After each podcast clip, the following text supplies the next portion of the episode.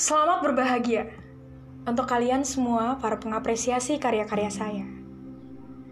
Mungkin tidak ada kata terlambat untuk mencoba hal-hal baru.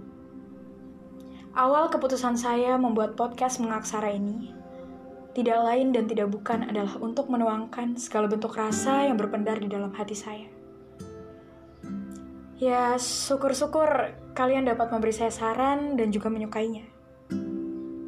Di balik podcast mengaksara ini, saya harap kalian tidak menjadi hancur karena merasa patah, jatuh, gagal, dan juga rubuh.